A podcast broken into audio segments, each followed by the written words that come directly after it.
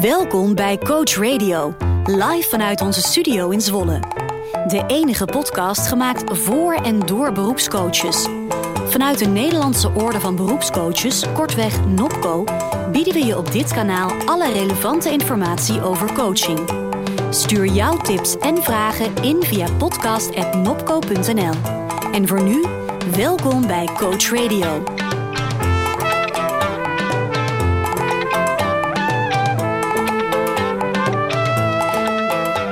Ja, fijn dat je luistert en welkom terug na de grote zomervakantie met aflevering 19, waarin we gaan praten over voice dialogue. Aan tafel zitten de belangrijkste experts op dit gebied, maar vooral Judith Budde. En natuurlijk is er onze vaste boekenrubriek met Jelle Westerdorp en we beantwoorden vandaag ook vragen van luisteraars, van jullie dus. Maar zoals altijd beginnen we bij ons favoriete bestuurslid, Geeske de Gussinklo. Daar is ze. Hi, dank Fijn dat je er bent. Ja. Heb je er zin in? Ja, ik vind het heerlijk om hier te zijn. Een mooi onderwerp vandaag. Zeker, het wordt fantastisch. Hey, we hebben het onlangs uitgebreid gehad over vaksecties. We hebben een aparte eh, eh, knap bijeenkomst gehad waar dat ook nog eh, ter sprake kwam. En nou begreep ik dat jij op de achtergrond niet hebt stilgezeten. Jij bent aan het procreëten geslagen met de vaksecties. Ja, Vertel. ik heb beloofd dat er nieuwe zouden komen en er was veel animo voor. Dus per eh, 2023 gaan er drie nieuwe van start. Drie maar liefst. Ja. Vertel, welke? Intercultureel coachen, LHBTQ eh, en eh, stress, burn-out en veerkracht. Wauw. En wat is, eh, waar kunnen mensen zich aanmelden? Waar kunnen ze dit vinden? Wie, wie trekken de kar? Nou, dat gaat allemaal per januari van start. De programma's worden nu voorbereid. En we hopen rond de kerst al een mooi programma klaar te hebben liggen. En dan kan je vanaf dat moment kiezen of je aansluit. Heel goed. En natuurlijk natuurcoaching, executive coaching en teamcoaching. Die, Die zijn, ook, die zijn er ook nog steeds. Hey, en, eh, en dan gaat het over, over eh, LHBTQI bijvoorbeeld. Dan gaat het dus ook over coaches die werken met cliënten die specifieke vraagstukken hebben in deze richting. Ja, Dus dat is ook naar aanleiding van onze knap met Brand Berghouwer gegaan. ja. Dus die is er ook bij. dat is zeker Nou, een van het Ja. kernteam Nou, eh, lid. Ja. Wie, wie daar dus nog vragen over heeft, luister ook die bijeenkomst terug. Want die staat gewoon in de Academy zelfs. Ja. Nopco Academy. Hey, ik las ook iets over een actie voor mensen die lid willen worden van een Nopco. Wat krijgen ze? Een gratis beker, een mok, wat, een sticker. Wat krijgen ze? Een gratis symposium. Een symposium, doe maar. Ja. Maar. Op 24 november Ja. is er het eh, wetenschappelijk symposium. Eh, de inschrijving is al geopend en eh, er is al heel veel animo voor. Maar we zijn inmiddels met 5000 aangesloten coaches. Dat Ja. is al heel mooi. Maar er luisteren wel meer dan 10.000 naar deze podcast. En ik denk, nou, misschien eh, goed om te zeggen eh, dat die ook eh, bij de community kunnen horen. Ja. Eh, want we worden ook steeds vaker gevonden door werkgeversorganisaties, andere brancheorganisaties. En we maken daar ook werk van.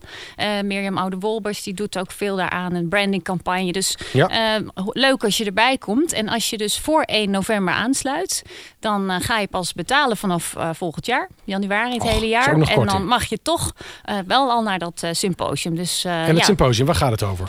Het zijn vooral de, de wetenschappelijke inzichten. En ook de promovendus eh, zal daar eh, tussenstand eh De promovendus die wij steunen als ja, waarvan wij de precies. leerstoel financieren. Ja, ja. Ja, helder. Nou, Ja. het wordt heel spannend. Wordt het ook een, een luchtig of is het vooral zware kost? Nou, het gaat wel over de wetenschappelijke basis. Het is heel goed dat we dat doen voor dit ontplooiende vakgebied. Heel goed.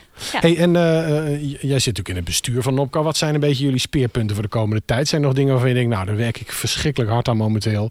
Dat wil ik niemand onthouden. Nou, eh, volgend jaar wordt het jaar van het platform. Dus dit jaar heel erg op de interne community eh, gericht. En natuurlijk ook al wel naar buiten. Maar volgend jaar gaan we nog meer samenwerken met belangrijke partijen, opleiders, makelaars, andere brancheorganisaties, politiek. Dus eh, ik denk dat dat heel goed is dat we met elkaar ook kijken wat kan onze bijdrage in de maatschappij zijn. Allerlei mensen met stress en coaching kan een belangrijke bijdrage leveren aan die weer, eh, ja, weer Ik zag het ook een klein beetje op de website. Want daar is heel duidelijk drie categorieën die, eh, die eh, daarin zitten. Dus dat, is al een beetje voorgesorteerd op wat jullie gaan doen. Ja, die partners eh, die willen we dicht naar ons toe trekken. En ook eh, nou, een bijdrage in veerkracht en mentale weerbaarheid eh, leveren. Dus eigenlijk gebeurt het ook al heel veel.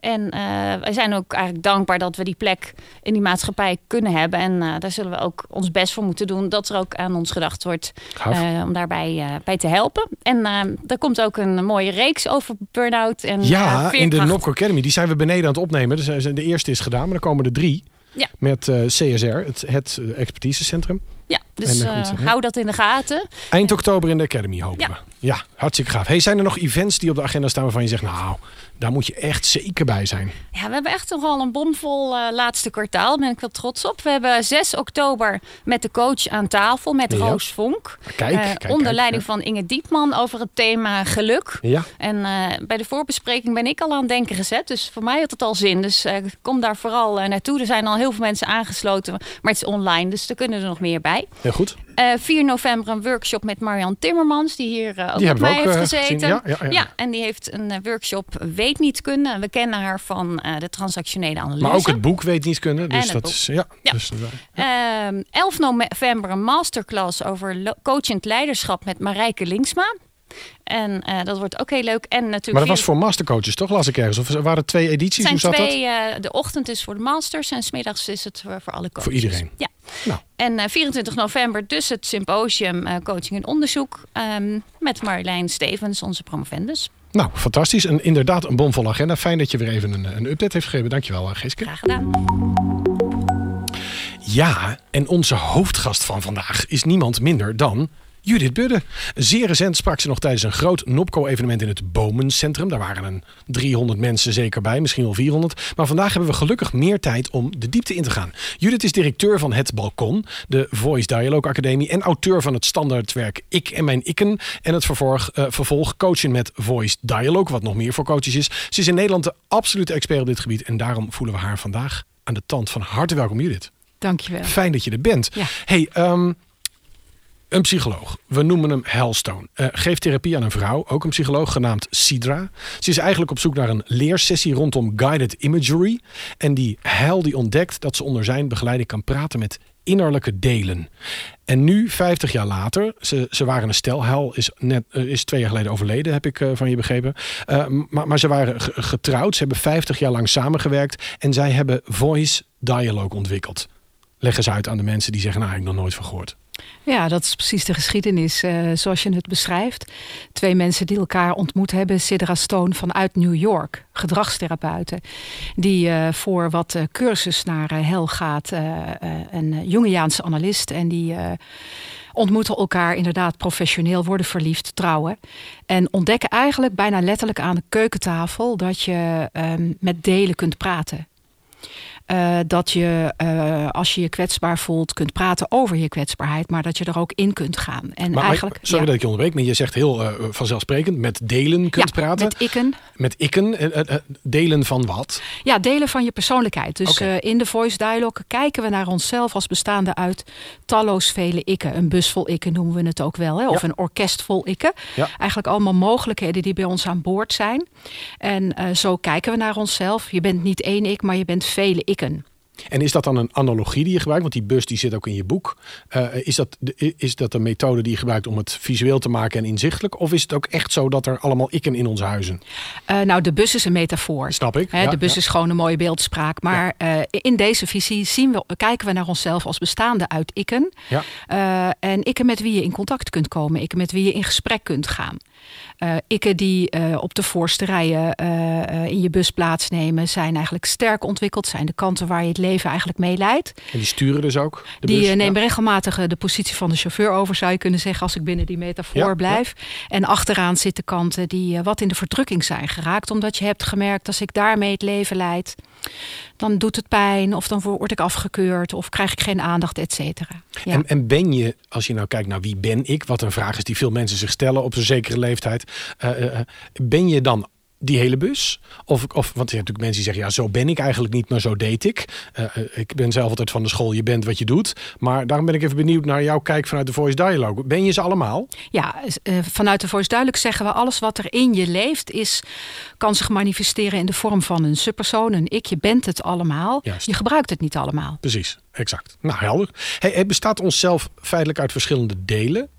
Uh, of is dat puur een... een een manier om bij die emoties te kunnen? Zijn die, die persoonlijke delen, zijn dat een soort entiteiten? Zijn het ook echt scripts, zoals we het vanuit de psychologie zouden noemen? Of is het alleen maar een koppeling om bij die emotie te komen? Hoe, hoe, als ik dat, ik, je ziet het aan mijn handen, ik probeer het Ja. tastbaar te maken, maar... maar Ja. eh, eh, Ik denk je eerste beschrijving is het meest dichtbij voice dialogue. Eh, we kijken dus ook naar subpersonen als dat zijn wezens van vlees en bloed. Hè. Je kunt met ze praten als, alsof het echte mensen zijn. Of soms zijn het geen mensen, maar soms zijn het wezens. Of soms is het een fantasie.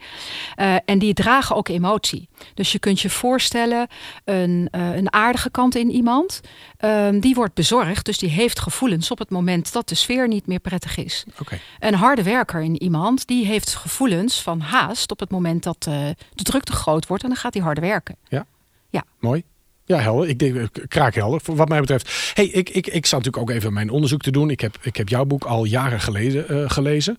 Eh, maar er is een, geen wetenschappelijk onderzoek naar voice dialogue specifiek. Dus ik ben gaan zoeken naar wat lijkt daar nou op. Nou, is er een Amerikaanse psycholoog, Russell Hurlburt. Dat is een goede tongbreker. Die doet al jaren onderzo- onderzoek naar descriptive experience sampling. Om innerlijke spraak te onderzoeken. Dat is dus niet hetzelfde als voice dialogue. Het neigt er een, of het, het, het raakt het misschien. Het probleem dat hij in zijn onderzoeken steeds weer was dat van de presuppositions, oftewel de vooronderstellingen.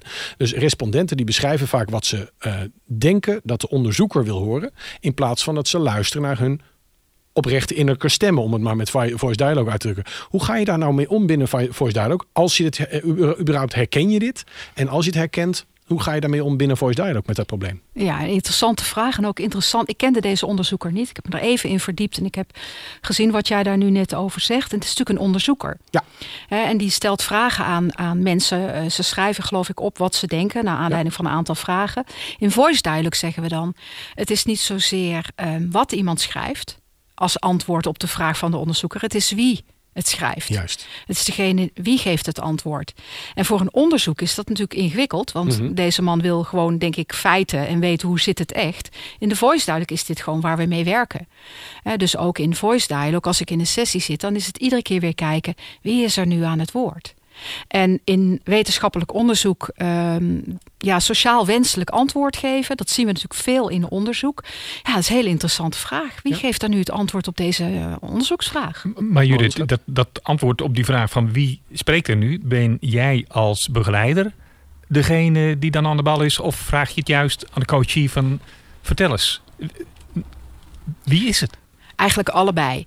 Hè, Dus, het is als, een eh, samen onderzoeken. Ja, het is een samen onderzoeken. Als facilitator, zo heet Ja. dat in de voice Ja. dialogue, luister je eigenlijk wie hoor ik nu spreken. Ja, In, in het dilemma waar de eh, cliënt of de coachie mee Ja. komt.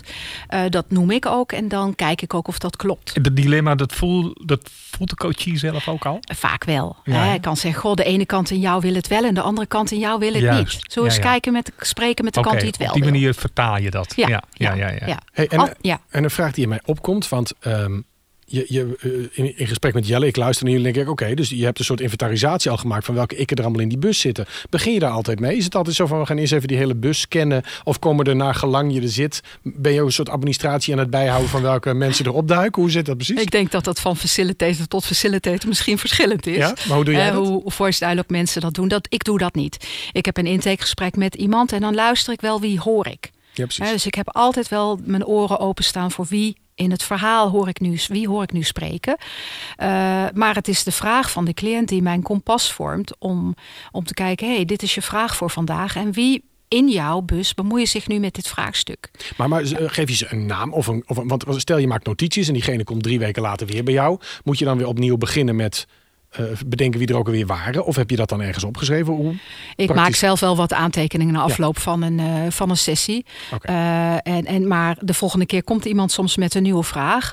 En dan weet iemand ook heel vaak zelf nog wel wie er de vorige keer aan het woord geweest is. Ja, Dus dat, nee, goed. Dus ook dat is een samenspel. het is die- absoluut een, het is een dans. Ja. Mooi.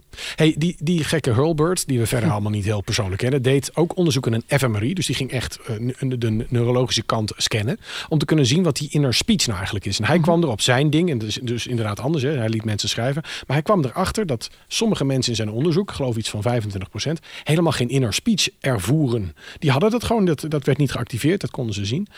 Hoe zit dat met voice dialogue? Werkt dit voor iedereen? Of zeg je nee, er is ook echt... Ik heb gezien dat er gewoon een categorie mensen is. Ja, dat die, reageren hier niet op, die snappen het niet. Hoe, hoe is dat voor jou in jouw ervaring? ik denk ook weer allebei. Hè. De, ik denk dat het naar jezelf kijken als bestaande uitdelen... dat is niet voor iedereen uh, iets vertrouwds. Nee. Dus heel veel mensen zullen niet op die manier naar zichzelf kijken. Wat ik wel heb gemerkt is op het moment dat je dat concept introduceert. Als ik zeg, goh, ik hoor zo de ene kant in jou, de andere kant in jou. Ik geef er soms een voorbeeld bij. Dat heel veel mensen dan herkennen, oh ja, dat is zo maar dat zullen mensen zo niet over zichzelf noemen. Um, maar er is natuurlijk ook een categorie mensen die dat een beetje eng vindt, zo op deze manier.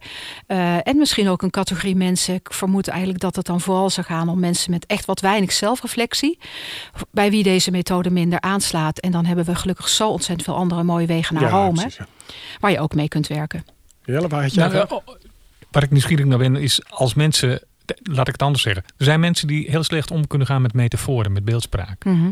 Hoe merk je dat er een verbinding is zo van ja, die kunnen ook slecht met dat voice dialogue omgaan? Nou, dat zou ik niet per se zo oh, zeggen.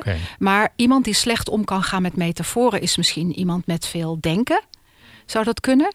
Uh, of met wat minder vanuit de verbeelding en misschien wat meer vanuit de feiten. Als ik zo naar iemand kijk, dan zie ik, hey, wat vooral vooraan in de bus zit, is iemand die van feiten houdt. Ja. Dus ik kijk altijd veel meer naar ikken. Ja, precies. En dan kan het en zijn. En dan herkent hij die ik ja, wel weer. Dat zou ik heel goh. Okay. Ben jij, hou jij meer van feiten? Ja, uh, oh ja, dat herken ik.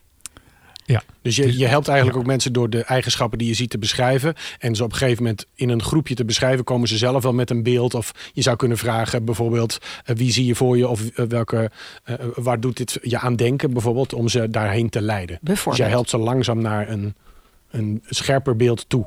Ja, ook als dat, het spannend vinden. Dat doe je samen. Ja. Uh, maar als mensen echt helemaal niks voelen voor deze methodiek, Nee, dan ja, denk nou, ik, uh, laat gaan. Hè? ja. Precies. Hey, nou lijkt eh, Voice Dialogue bepaald geen startersmaterie. Dat is ook iets wat, wat in, in jouw boek... Ik werk zelf veel met psychologen en psychiaters. doet mij Mhm. Ernstig denken aan de, de diepgang van psychotherapie. Je, je hebt, eh, het is natuurlijk een tool, dus je kunt hem inzetten zo, zo ver als je wilt. Maar het is wel iets wat je vergaande mogelijkheden geeft. Het, Klopt, het neigt ja. naar die diepgang. Vanaf welk punt zou jij nou zeggen dat een professionele coach...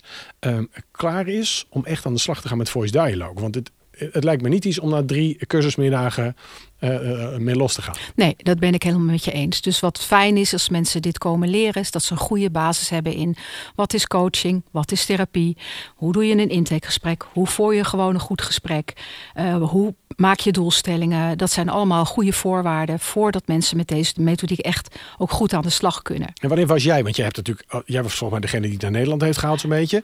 Eh, eh, niet? Nee, dat is niet Of- zo. Nee, oké. Nee. nou ja, een van de allereerste in ieder geval. Ja, bij Nopco is ook de vraag wie is de Nopco begonnen. Dat zijn er ook tien als je die mensen zo moet geloven. Maar jij was wel echt aan, aan, aan het begin van Voice Dialogue in Nederland eh, betrokken. Wanneer was jij er klaar voor? Dat je echt het gevoel had, ja, nou begin ik meester of meesteres van de materie te worden. Oh, meester, meesteres. Dit leer je. Dit leer je gaandeweg. Ja. Eh, dus eh, wat ik veel heb gezien is, eh, op een gegeven moment, je, je moet snappen de, de psychologie. Je moet snappen waarom je doet wat je doet. En dan, en dan kun je het een beetje. En dan kun je een eenvoudig gesprek kun je dan, kun je dan begeleiden. Hè. Dan kun je de ene kant en de andere kant faciliteren. Maar hoe meer je dit doet, hoe meer je het ondergaat, hoe meer je het ook ziet. Ik heb erg veel geleerd van Helen Sidra Stone door de sessies die ik bij hun gezien Je bent daar ook geweest. ja, ik ben een groot aantal keren bij hun geweest. Ja, ja. Ehm, je, je leert het steeds beter. Ja. Dus het moment, ja, je wordt er steeds, als het goed is, word je steeds beter in het werken met dit instrument. En als je nou een, een schaal zou maken van 0 tot 10, waarbij 10 de meester zou zijn en 0 is iemand die heeft net het boek gelezen. En jij geeft een, een, een basisopleiding. Jij geeft eh, eh, volgens mij heel veel opleidingen. Ja, Ehm, stel je doet een basisopleiding. Waar op die schaal zit iemand na een basisopleiding? Als je dat zo zou ja willen dat hangt echt heel erg af van de deelnemer. Oké. Eh, ik zie deelnemers die het enorm snel oppakken. En die komen in mijn eh, basistraining, die hebben de beide boeken gelezen. Die hebben soms al wat sessies gevolgd.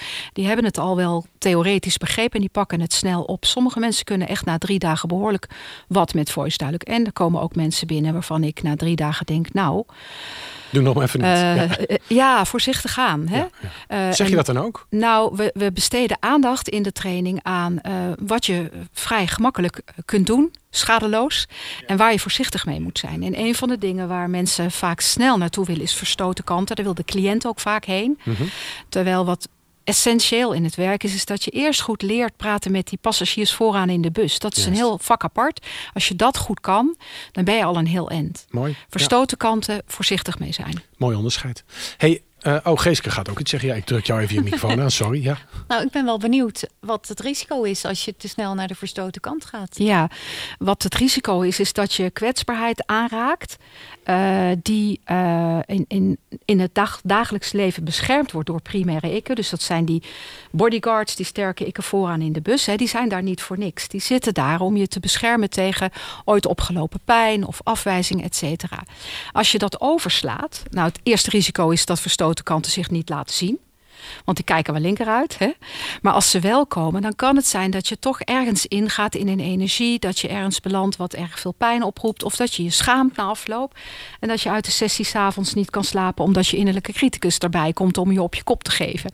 En dat willen we niet. Dus we willen in voice dialogue, ik noem het altijd de koninklijke weg. We werken altijd eerst met de bodyguards, met de primaire ik. Vooral om te leren ontdekken waarom zijn die zo sterk geworden. En die gaan pas aan de kant als ze het gevoel hebben dat jij vanuit het midden, vanuit de middenstoel, vanuit het bewuste ego noemen we dat, beter in staat bent om voor die kwetsbaarheid te zorgen die daaronder ligt. En dan kan je ook contact maken met verstoten kanten of kwetsbare kanten. Dus het begint weer met zelfkennis.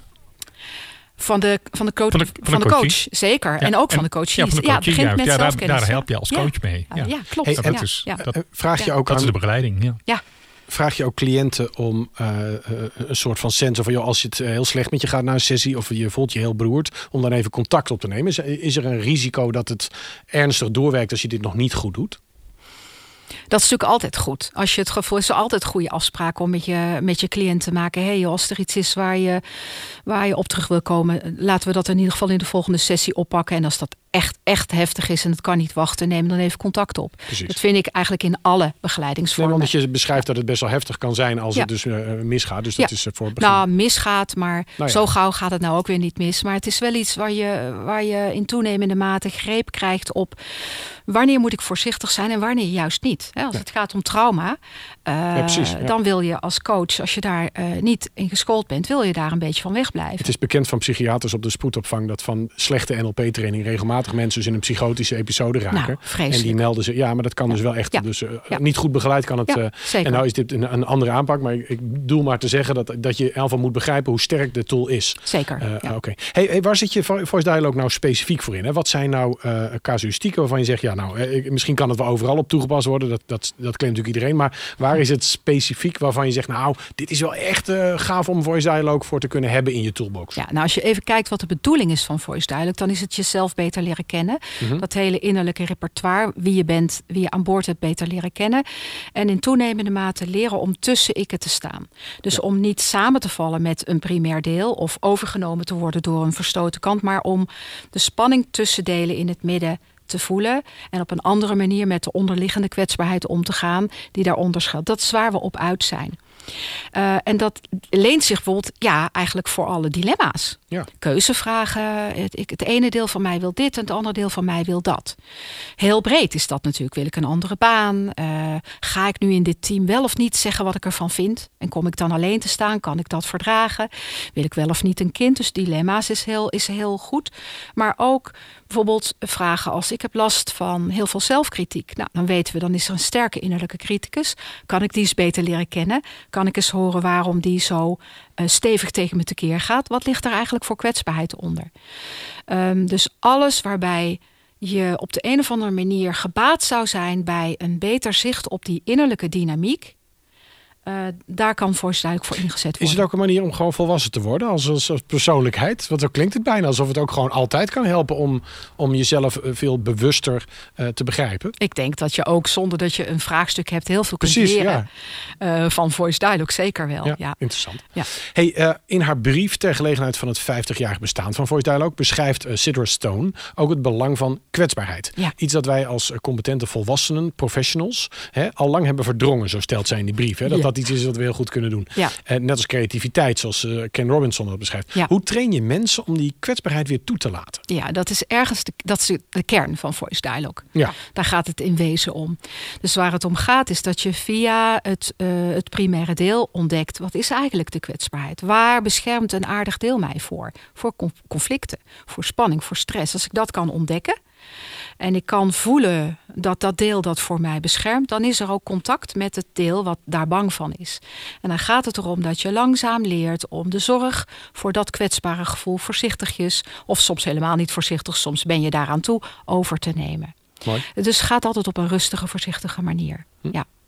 Eh, oh, Jelle gaat ook nog iets zeggen, ja. Wat jij nu beschrijft gaat dus weer over die ego-positie vinden. Ja, die gaat over de ego-positie, die middenpositie. Dus die, die middenpositie Ja. vinden, dat is eh, uiteindelijk de manier om die kwetsbaarheid ja, te kunnen benaderen. ja, om die te dragen, om, die die, te te, dragen. verdragen, te verzorgen. Ja. We zeggen wel eens ook eh, naar buiten toe beschermen, naar binnen toe verzorgen. Eh, en dat, dat noemen we inderdaad het bewuste ego, de middenpositie. Dat is waar ik op de, op de Ja. NOPCO-bijeenkomst over eh, gesproken heb. Ja. De En wat, ontwikkeling wat ging van jij het bewuste 9 ego. november daar ook iets mee doen? Ja, ik Is ga 9 9 november in ter gelegenheid van het 50-jarig bestaan van Voice Dialogue... Geef ik een college van een uur van half acht tot half negen gratis. S'avonds of s ochtends? Eh, 's avonds. Oh, gelukkig. Ja, Nou, s'avonds. Dat is me te Ja. vroeg. ja. redden we weer. Ja. Dus wie dat leuk vindt, is eh, van harte uitgenodigd om zich daar eh Dus op in te 9 tekenen. november ga jij een gratis masterclass doen van een uur. Eh, nou, zitten er allemaal mensen te luisteren. Geeske, die zei het al, er zijn er een heleboel. Eh, eh, waar melden die zich aan als ze dit willen? www.voicedialogue-academie.nl Heel goed. Een academie op zijn Nederlands met IE. Op zijn Nederlands. Heel goed. Nou, Ja. dat, dus, dus eh, mocht je hierbij willen zijn, dit is je kans. 9 november, gratis. Ja, dit zijn toch Nederlanders. Dat- dat- en dat gaat dus specifiek over de middenpositie. Ja, het gaat Ja. over de. Ik heb het genoemd de transformerende kracht van voice dialogue. En dat heeft alles te maken met je vermogen om in die middenpositie te vertoeven. Ja, want anders verandert er niets. Anders blijf je zitten in het een of in het ja, ander. Ja. dus voice dialogue is meer En- dan het praten met delen. Ja, ja, ja. ja. ja, ja, Hey, en ehm, nou is het allemaal heel eh, intellectueel wat we hier zitten te doen. Maar ik ben ook even benieuwd. Wat is nou een heel mooi moment waarvan jij zegt... nou, ik heb een voice dialogue sessie gehad. eh, en, en dit herinner ik me al zoiets bijzonders... wat zo specifiek voor mij staat voor die voice dialogue. Zou je een voorbeeld hebben wat je kunt delen met de luisteraars? Ja, ik kan een voorbeeld delen uit mijn eigen Ja? eh, opleiding. Toen ik in opleiding was, was er een mededeelnemer die mij faciliteerde. En die heel goed zag dat ik een, een beweging met mijn handen aan het maken was. Een beetje een kappende beweging. Ik heb dat voorbeeld ook beschreven in, in het handboek. En hij was eh, heel alert en hij zei: Ik zie je een kappende beweging maken. Maak dat eens wat groter. En zonder veel woorden liet hij mij eigenlijk die beweging steeds groter maken. En toen veranderde ik in een samurai. Wauw. Dus ik stapte opzij en ik werd een samurai. En ik heb de bewegingen van die samurai gemaakt. Dat zal ik nooit meer vergeten. Een kant die heel erg aan boord kwam om, als het nodig was, mij te beschermen. Was een prachtig moment. Ja, dat kan ik me voorstellen. Dan heb je ook meteen een goede beveiliger. Was een goede Ja, beveiliger. potverdorie. absoluut. Dat is ja. niet de minste. Ja, ik bedoel, je had ook lokale uitsmijter, maar meteen een samurai. Dus meteen de Champions League van de beveiliging. Hey, Ja. we komen zo meteen nog eh, bij jou terug. Alvast dankjewel uh, met een aantal vragen van luisteraars. Maar het is eigenlijk ook wel tijd voor onze uh, ja, vaste rubriek. Tijd voor de boekrecensie met Jelle Westendorp. Nou, de knapste boekrecensent van Nederland. Hij Dankjewel. Arvid. Het is Jelle. Hij heeft een boek bij zich dat hij nu gaat tonen. Even recht, want dat weerspiegelde wat. Van wie is, ik, ik ga het even Dit voorlezen, want het is Waarom het leven sneller gaat als je ouder wordt. Van eh, Douwe Drijsma. Psycholoog Douwe Drijsma. Ja. En waarom dit boek? Nou, het is een beetje... uh, Kijk, Judith, die kennen we binnen de NOPCO ook al vanaf 2013. En Douwe Drijsma, die heeft in 2012 heeft hij een lezing gegeven. Dus ik denk, weet je wat? Ja, dan uh, past het ook weer mooi. even ja. dat ik iedereen nog ken. Ja, ja zo is ja, het. goed. Um, daar heeft hij een lezing gegeven over het concept tijd in relatie uh, tot het geheugen. En um, wat tijd blijkt, uh, ja, dat het vervaardigd wordt door het geheugen. Dat is vervaagd. Het, nee, het wordt vervaardigd. Oh, vervaardigd ja, door het geheugen. Ja, ja, vervaardigd door het geheugen. Zo schrijft hij dat. En de beleving van tijd wordt verbonden met wat voorvalt in het bewustzijn. Um, dus in feite krimpt en dijt de tijd uit afhankelijk van concentratie van associaties, maar ook van psychische energie. En, en zo kan ook een déjà vu weer worden verklaard. Dat beschrijft hij prachtig in anekdotes. Ja, verklaar Ehm, dat dan eens, die déjà vu, want die, die link die snap die- ik nog niet meteen. In déjà vu eh, ontstaat er een idee alsof je iets vaker hebt meegemaakt. Ja. Maar dat is niet zo, het is een illusie. En het heeft te maken met een verzwakte concentratie en met eh, een, een eh, verlaten psychische energie. Waardoor die, dat geheugen eigenlijk zegt dat hij dit nu als iets nieuws ervaart, terwijl hij het Terwijl het, dat eigenlijk al, opslaat. ja, terwijl het eigenlijk al voorgekomen is. Juist, ja. Ja. Helder?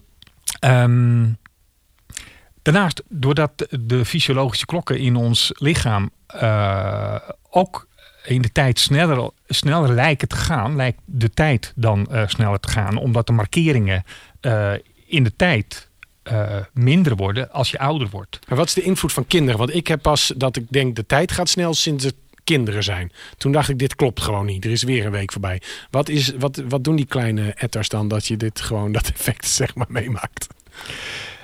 Ja, eh, dat, dat is ook heel bijzonder. Ga- Gaat de tijd dan sneller of gaat de tijd langzamer? Dat is, dat is ook heel, heel subjectief. Het kan dus zijn dat door die kinderen dat de dagen, ondanks dat je doorlopend geprikkeld wordt door die kinderen, dat die dagen heel erg op elkaar lijken. Ja. En doordat er minder eh, exclusieve markeringen komen, waardoor elke dag zich aaneenrijgt aan de volgende, waardoor het in feite heel snel gaat. Waardoor kinderen ook heel snel lijken op te groeien. Mooi. Hey, nou, Ja. nou heb jij dit boek meegenomen. Waarom moet dit op het nachtkastje liggen van iedere coach die op dit moment luistert? Ja, Maar echt, dat is- gewoon dat jij ja. zegt.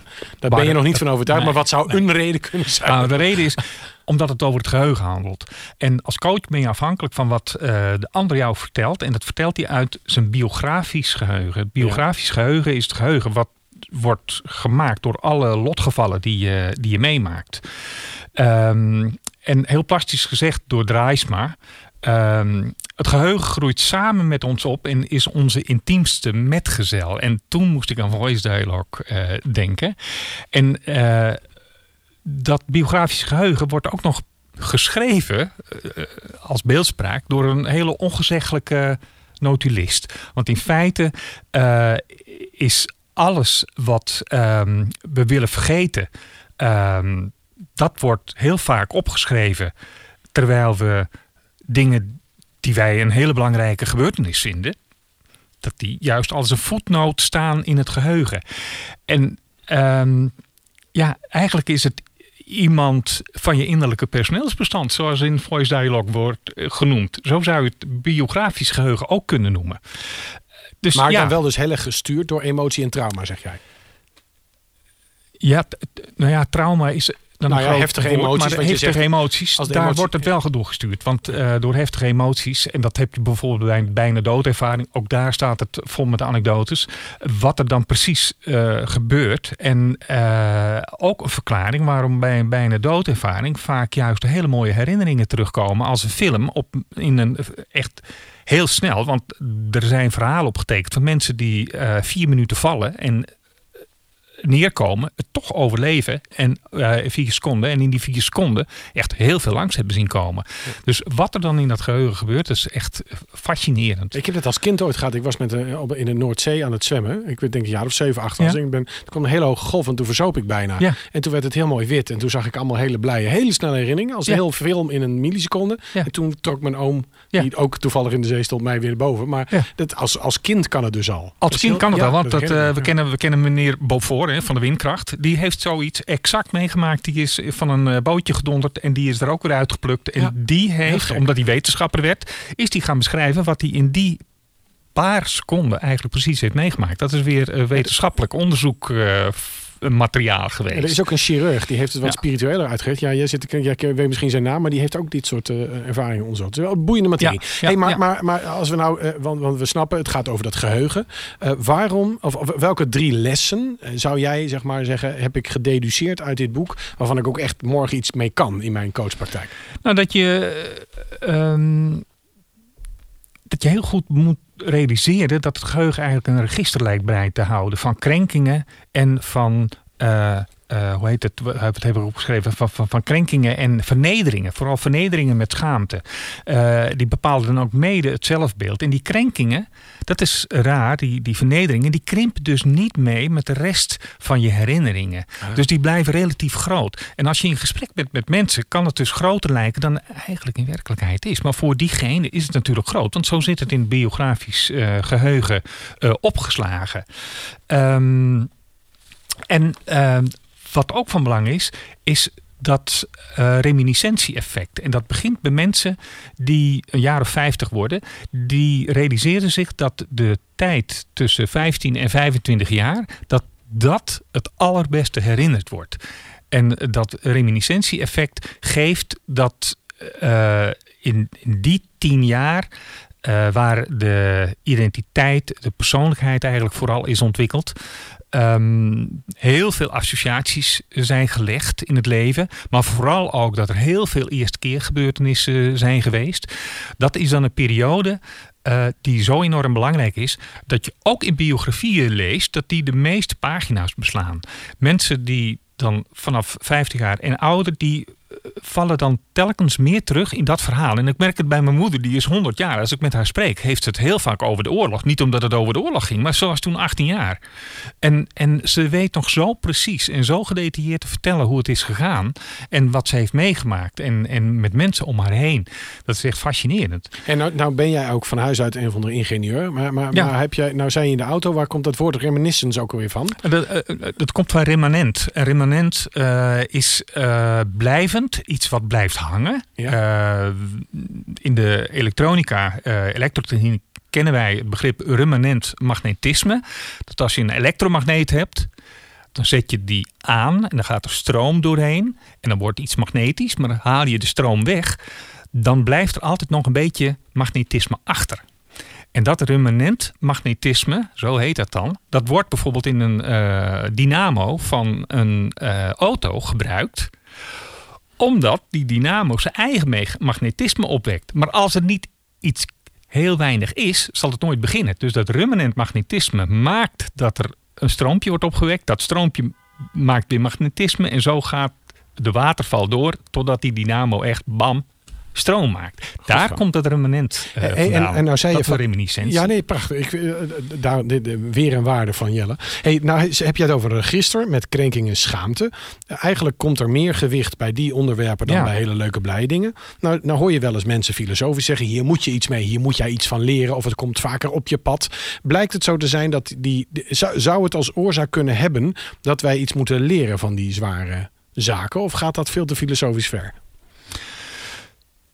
Ik denk wat je ervan moet leren is dat als je dat onthoudt, als je dat telkens, als het telkens in je hoofd zit, ehm, dat je moet realiseren dat het op een bepaald moment uh, misschien relatief te groot is voor wat het ooit is geweest. En dat als je terugdenkend uh, kijkt van waar gaat het eigenlijk over, dat je er misschien wel veel meer aan vastgemetseld hebt dan wat het origineel is. Uh, dus dan zou je kunnen zeggen, dan moet je er wat mee. In de zin van maak het weer zoals het was. En zo groot als het was. En dat het als het ware terugkeert naar um, wat is wat ik heb meegemaakt. Welke beleving had ik toen? En hoe heeft mijn lichaam daarop gereageerd? Dus dat dat als het ware weer in evenwicht met elkaar is. Ja. Hey, en uh, als je. ja, dat zijn ja je wilde natuurlijk nog een uh, tip vanwege. Hè, wat, wat, uh, ja, ik wil liefst nog meer tips, dus wacht ja, ja. op. Maar, maar, maar ik ben ook benieuwd, ja. Jelle, even omdat wij dat sinds een paar keer hebben gedaan al. Ik ben ook benieuwd naar de score voor het boek. Maar doe eens maar even die tip. Nou, dat, die les dat we moeten onthouden dat. Ehm, het begrip onthouden dat dus het geheugen in, in, in dienst staat van de verwachting. Ja. En een gebeurtenis herinner je uh, in de volgorde van het verloop. Hè? Uh, het is niet dat je herinneringen hebt alsof je terugbladert in een map met bankafschriften. Nee, je springt terug en dan ga je weer naar de toekomst toe. Uh, en, en zo werkt de geheugen. Het is eigenlijk fascinerend als je erover nadenkt. En als coach is het dus goed om achterwaarts de gebeurtenissen af te pellen. Om de coachie te helpen om dat begin te vinden van waar is er wat aan de hand geweest. Dus als coach als coach mag je dat achterwaarts spellen wel doen. Maar je weet dat die coachie vanaf dat moment Weer vooruit. weer gaat. naar Ja. eh, eh, vooruit gaat. En dat lijkt eh, heel normaal, maar voor een coachie zijn er heel veel alledaagse dingen die niet onthouden worden, die op dat moment, na dat afpellen, misschien toch wel weer blijken belangrijk te zijn. Ja. Gaaf. Hey, en de score, dus de, de, de vijf sterren score voor dit boek. Wat, eh, wat maken we ervan? eh? Ja, jij hebt het over die vijf sterren. Dan moet ik nu, eh, ik zat op een schaal van 10 aan een 7 te denken. Nee, we doen steeds vijf terug. sterren, Oké, dus dan wordt het een drie. En dat heeft dan te maken. Ja, het is niet, het is niet een boek de, wat, waarvan ik zeg, nou, elke coach moet dit gelezen hebben, anders kan hij zijn werk niet doen. Maar het is, het is, het is wel heel interessant om te lezen van wat doet het geheugen en wat betekent dat in je eigen werk als coach. En eh, de leukste zin die ik er eigenlijk in tegenkwam is dat introspectie is altijd snel aandraaien van het licht om te zien hoe de duisternis eruit ziet. Wauw. Nou, daar moet ik even rustig over nadenken. Potverdorie. Hey, maar ondertussen, dankjewel Jelle. En eh, ja, we, volgende maand gaan we natuurlijk weer naar een mooi boek voor jou. Ja. Maar we gaan nog even terug naar, eh, naar Judith. Want, Judith, er zijn ook vragen gesteld online. En die, eh, ik, ik heb er twee van online en ik heb er eh, twee hier live. Want eh, Jelle en Geeske zeiden, wij hebben ook allemaal vragen van tevoren. Want die zijn heel erg nieuwsgierig. Maar ik begin even met, met Oscar Wildschut. Die had op, al- als vraag van Judith, wat is jouw verklaring dat het bij sommige coaches heel goed past en bij anderen niet? Zijn er type mensen waar het niet goed bij past om voice dialogue te doen? We hebben natuurlijk de positieve kant al benadrukt van wanneer is het wel. Maar zijn er ook dingen waarvan je denkt, nee, dan moet je het inderdaad niet doen. Ja, ik denk zeker zijn er mensen bij wie voice duidelijk niet zo past. Ik zei al, de categorie mensen met eh, heel erg weinig zelfreflectie. Daar is geen midden, of daar is minder midden. En voor die doelgroep werkt het niet altijd even goed. Oké, Eh, soms verderop in het traject kan je wel wat met voice duidelijk, maar dan zou ik daar niet per se mee beginnen. Er is ook een categorie mensen met bijvoorbeeld ehm hele sterke controleur. Ja. Daar zou je met voice duidelijk veel mee kunnen. Maar als dat heel sterk vastzit, dan komt op iedere stoel die controleur te zitten. Juist, Kom je ja. ook niet zo ver. Eh, bij mensen die erg in de war zijn, en die komen doorgaans niet bij coaches, die komen meer bij eh, psychi- psychiaters of hè, psychotherapeuten. Maar mensen in een periode waar ze erg in de war zijn, zou ik zeker niet met voice dialogue werken. Nee. En dan wil je graag eerst eh, stabiliseren, ehm, eh, dingen weer herstellen. Sommige mensen zijn gewoon beter af met gedragstraining. Ja. Hè, want gedragstraining is ook, is ook heel nuttig. Ja. Dus nee, zeker niet bij iedereen. Heel, heel helder antwoord, Ja. denk ik. Voor, eh, hij vroeg ook, het mooie van de methode, onder andere, is dat je als coach geen conclusie of advies verbindt aan wat er gebeurt. Ja. Ehm, zou het wel kunnen zijn dat door de manier van vragen stellen en hoe je de stemmen ruimte geeft, je toch invloed uitoefent? Ik denk dat dat onvermijdelijk is. Toch je wel, kan ja. zelfs willen dat je dat niet doet, maar ik denk dat dat een beetje onvermijdelijk is. Maar het eerste wat Oscar zegt is zeker waar. De houding van de begeleider is opgericht om nieuwsgierig en uitnodigend te zijn, zodat al die stemmen zich uitgenodigd voelen en zich willen laten horen. Dus je bent zonder oordeel nieuwsgierig en open. Ehm, maar natuurlijk is de vraag die je stelt. Ik zei al, het is een dans, hè? je doet een dans. Dus als ik iets vraag, dan, eh, ja, dan zal de cliënt daarop antwoord geven. Dus Ja. je- het is onvermijdelijk dat je ook een beetje stuurt. En ben je dan in supervisie daar ook mee bezig? Of jij dan bijvoorbeeld parallellen ziet hoe je dat bij andere mensen bepaalde dingen nadruk geeft? Of, Ja, dat Ja. is wezenlijk. Ja. Want als voice dialogue eh facilitator kom je zover als je eigen ontwikkeling. Precies. Dus als er bijvoorbeeld subpersonen zijn waar je zelf helemaal geen contact mee hebt, dan is het moeilijker om die te faciliteren. Helder. Dus ook hier geldt weer het belang, zoals bij alle coaching, om dat ook bij jezelf het huis op orde te hebben. Eh Geeske, jij had ook een vraag. Wil je hem zelf stellen? Dat is wel zo leuk, Ja, want je zit ernaast. Ja, nee, ik vind het een echt fantastische eh, methode die eh, ja, ook bij meer mentale mensen nog wel wat los eh, maakt. Wil je goed in de microfoon blijven praten, anders, Ja, anders ja. horen we je Oh, niet ja, goed. Ja. Ehm, je, je gebruikt vaak stoelen. Eh, zijn er ook andere manieren om iemand nog te helpen om meer eh, die subpersoonlijkheden boven tafel te Ja, krijgen? zeker. In het, eh, leuke vraag. In de klassieke voice duidelijk werken we met verplaatsing van de middenstoel naar posities. Dat kan op stoelen zijn, kan ook zijn dat een subpersoon gaat staan. En dat is klassieke voice duidelijk, zoals wij het in onze opleidingen ook leren. Maar je kunt ook poppetjes gebruiken. Er zijn ook mensen die uh, in een eerste sessie eerst zeggen... goh, zo eens kijken wie er bij jou aan, aan, boord zit. Laten we eens op een, op een tafeltje wat poppetjes neerzetten. Je kunt werken met collages, met tekenen. Er is, er is veel meer mogelijk dan, uh, dan het werk met stoelen, zeker. Ja. Dus de creativiteit mag ook... de creativiteit van de begeleider, de coach in dit geval... geeft ook ruimte aan, aan allerlei vormen die het best bij de cliënt passen. Zeker. Hè? En laat iemand maar eens een brief schrijven uh, aan een subpersoon. Of laat iemand maar eens vanuit een subpersoon een brief schrijven. Het zijn allemaal, allemaal vormen. Ja. Helder, duidelijk. Uh, Jelle, je had er ook nog één, hè? Ja, want ik noemde al uh, die 2013-lezing van jou. Daar had ik aantekeningen van. Die had ik nog. En toen kwam ik tegen Nachtdromen help je te zien wat je over het hoofd ziet. En toen dacht ik, jeetje, opgeschreven, maar wat, wat bedoelt ze ook alweer? Ja, dat is uh, ook een leuk. Tien, jaar geleden, 2013. Ja, dat is toch fantastisch? Heb ik dat toen gezegd. En dat, uh, zo, denk, zo denken we er nog steeds over. Hè? Um, in Voice Dialogue zien we dromen, nachtdromen, overigens ook dagdromen, als okay. de schakel van het onbewuste naar het bewuste. En in een nachtdroom kan er informatie naar je toe komen die je overdag over het hoofd gezien hebt. Um, uh, en dat manifesteert zich dan in, ja, in, eigenlijk in beeldspraak. Hè? Droom is een soort verpakte boodschap. Zo kijken we er vanuit Voice Dialogue naar. Dat is heel interessant, want je kunt dus ook een sessie doen met de figuren die in een droom voorkomen. Oh ja, mooi. Ja. ja. Hey, heb ik nog even een laatste vraag van. Uh, um, uh, als je, uh, wat, wat wou ik vragen? Ik, ik, ik, zat te luisteren naar Jelle en ik wou nog een vraag stellen, maar ik ben er, nee, nee, ik weet het wel. sorry voor mijn verwarring. ik zag even voor me, ik denk, jij, jij zei van ik word binnenkort al, al heel volwassen. Ik ga de leeftijd niet noemen. Wat, wil je nog bereiken met Voice? Want je bent er zo lang mee bezig. Je bent al heel lang dat aan het ontwikkelen. Welke stap wil jij het nog meegeven voordat je zegt, en nou ga ik mijn pensioen? Oh, wat een leuke vraag. Dan val ik even stil. Ja, we hebben geen haast. Ja, stiekem wel. nou, mijn echt. missie uh, en ook de missie van uh, mijn collega's. Uh, Karin Brugman onder andere, met wie ik ook die boeken ja, heb geschreven. Ja. maar ook Marijke Leijs, collega uit, uit Vlaanderen. En ook de man die het ooit in Nederland heeft geïntroduceerd, Robert Stambolier. Oké, okay, dat was iemand anders, sorry. Ja, was iemand anders, geeft niet, maar ik noem hem toch even. En er zijn in Amsterdam nog twee mensen. Berry Kollewijn, Lex Mulder. Allemaal experts op, op het gebied van voice dialogue. Mijn missie is om het, om het um, te verspreiden. Uh, om het echt onder de aandacht brengen van coaches, van therapeuten. Um, uh, we zijn ook aan het kijken of we wat meer kunnen leren over voice dialogue en kinderen. Het zou prachtig zijn als het ook in het onderwijs. Ja. Uh, en Daar klinkt in, het heel geschikt voor voor kinderen. Is, ook het is een hele creatieve ja, vorm. Zeker, heel geschikt. Ja. Um, ja, ik wil het graag verspreiden. Leuk. En hoe lang ik daar nog mee doorga. Ja, dan is het voor eeuwig. Dat, ik denk voor eeuwig. nou, Zolang ik het nog kan. Een hele mooie afsluiting. Dankjewel uh, Judith. Hey, fijn dat jij weer afstemde op Coach Radio. Ik wil mijn gasten van vandaag heel erg hartelijk bedanken. Uh, Judith Budde, Geeske de Gussinklo en Jelle Westerorp. Ook hartelijk dank aan alle coaches die reageerden via onze social media. Stuur jouw ideeën, reacties en opmerkingen naar ons toe. En heel graag tot de volgende. Dank voor het luisteren naar Coach Radio. Volg ons op SoundCloud, Spotify of iTunes en vergeet niet om een recensie achter te laten. Als je vragen, tips of opmerkingen hebt over deze uitzending, mail ons dan via podcast.nopco.nl. Deze podcast werd je aangeboden door Nopco. www.nopco.nl.